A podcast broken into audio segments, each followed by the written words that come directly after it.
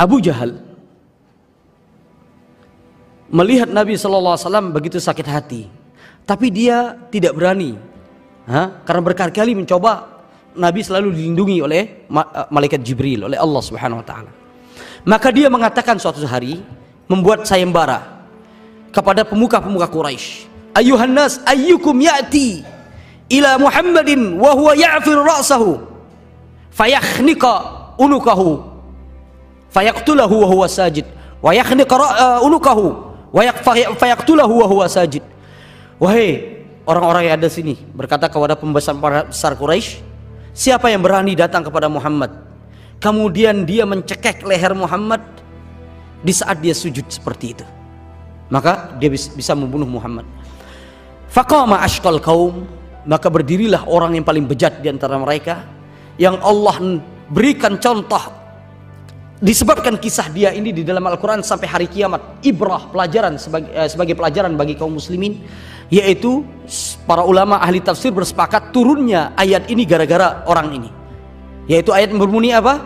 Di dalam surat Al-Furqan wa yawma ya'udhu dhalimu ala yadayhi yaqulu ya laytani ittakhadhtu ma'ar rasuli sabila ya laytani lam attakhidh fulanan khalila laqad adallani 'ani dhikri ba'da idh jani wa kana syaitanu bil insani khadula dan hari di mana seorang yang zalim akan menggigit jarinya karena penyesalan di saat itu dia mengatakan, Ya Allah, seandainya dulu aku tidak menjadikan fulan sebagai orang yang paling dekat dengan diriku, sebagai, sebagai sahabat karibku.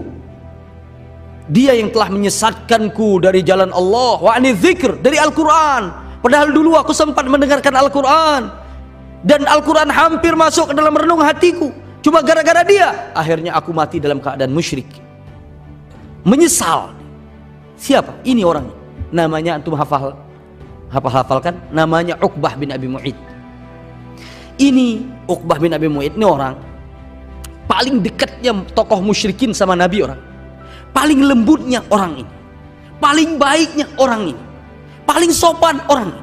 Paling takut ganggu Nabi orang ini. Paling suka ngobrol sama Nabi di antara pemuka ya, musyrikin yang lain selalu menghina, mencaci maki. Dia enggak selalu duduk sama Nabi. Karena dilihat Nabi ini orang mulia. Dan dia ini ayah tiri dari sahabat. Siapa? Dia ayah tiri dari sahabat Uthman bin Affan. Karena Affan meninggal di saat Uthman berumur 5 atau 7 tahun, kemudian ibunya Arwa bintu Quraiz, bibi Nabi uh, sepupu Nabi, maaf, sepupu Nabi. Jadi ibunya Uthman itu sepupunya Nabi. Jadi Uthman itu jatuhnya keponakannya Nabi dari ibunya. Nabi termasuk kholnya Uthman, bisa dikatakan begitu. Nah beliau Rasulullah SAW ketika duduk didatangi oleh siapa? Uqbah bin Abi Mu'id.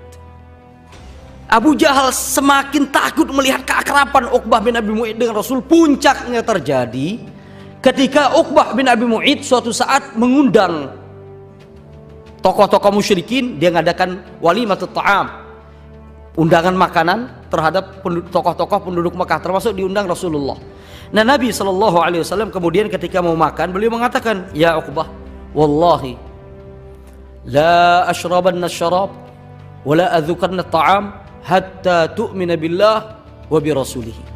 Demi Allah wahai Uqbah aku nggak akan nyentuh minuman dan makananmu sampai engkau beriman kepada Allah dan Rasulnya. Dan masa itu aib bagi seorang tuan rumah kalau ada undangannya nggak mau makan dengan alasan apa pun aib dia akan bujuk supaya makan.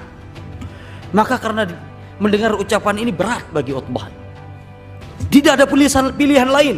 Maka dia pun mengatakan asyhadu an la ilaha illallah wa annaka rasulullah diucapkan syahadat maka ini yang kemudian nanti disesali oleh dia sudah hampir dekat dengan Islam tapi gara-gara Khalil gara-gara sahabat karib orang bisa jauh dari hidayah dari Islam. Orang ini contohnya. Begitu Nabi kenapa sampai mengatakan dalam hadis sahih? Hah? Apa? Al-mar'u ala dini khalilihi. Falyanzur ahadukum man yukhalil.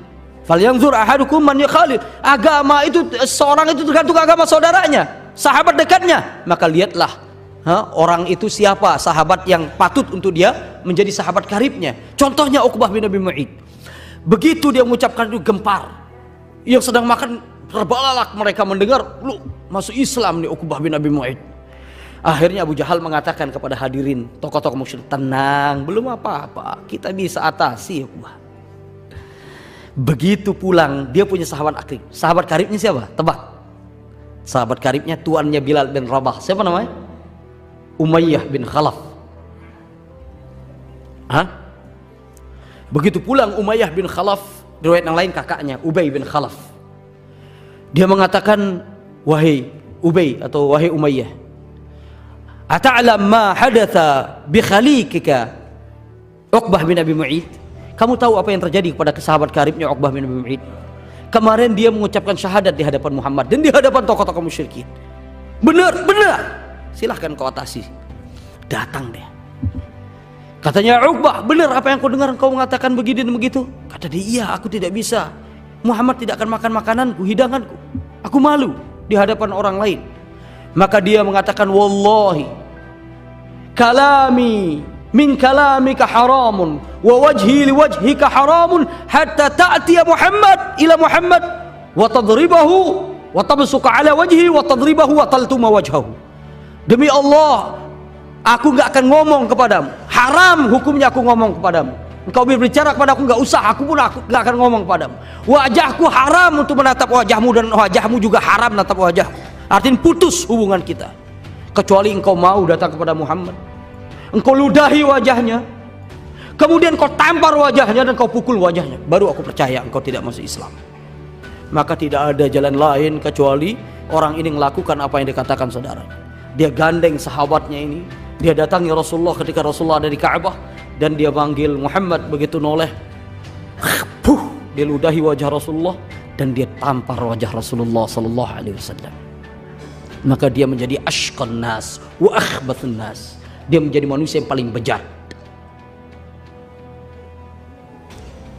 setelah itu dia jadi orang yang paling berani terhadap Rasulullah salah satunya apa yang diriwayatkan oleh para ulama di dalam kitab-kitab sirah Nabawiyah. Al-Imam Bukhari meriwayatkan bahwasanya Abu Jahal mengatakan siapa suatu saat siapa yang, yang berani datang kepada Muhammad di saat dia sujud seperti itu. Kemudian dia mencekek Muhammad dengan kain atau surbannya. Maka kemudian dia bisa membunuh Muhammad. Uqbah bin Abi mengatakan ana. Dia pun datang kemudian menginjak kepala Rasulullah di saat sujud. Dia duduk di atas punggung Rasulullah di saat Rasulullah sujud. Dan kemudian dia mencekek dengan sorbannya leher Rasulullah SAW hampir Rasulullah meninggal dengan kondisi seperti itu antum ditiban oleh orang yang lebih besar dan juga dia menginjak eh, batang leher dan kepala antum eh, dengan dengkul atau dengan kakinya dan dia duduk eh, di atas badan antum. Rasulullah tidak bisa berbuat apa-apa. Hampir Rasulullah meninggal sampai datang Abu Bakar As-Siddiq berlari dengan keras. Dan dia tidak berpikir apa yang terjadi setelah di, itu terhadap dirinya. Yang beliau pikirkan bagaimana Rasulullah SAW selamat maka beliau pun mendorong Rasulullah uh, Uqbah bin Abi Mu'id dan Rasulullah wasallam.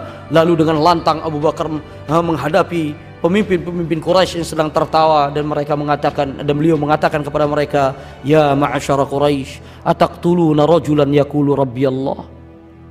Wahai orang-orang Quraisy apakah kalian akan membunuh seorang laki-laki yang hanya mengatakan Rabbku adalah Allah Nah ini salah satu contoh betapa Abu Bakar uh, membela Rasulullah sallallahu alaihi wasallam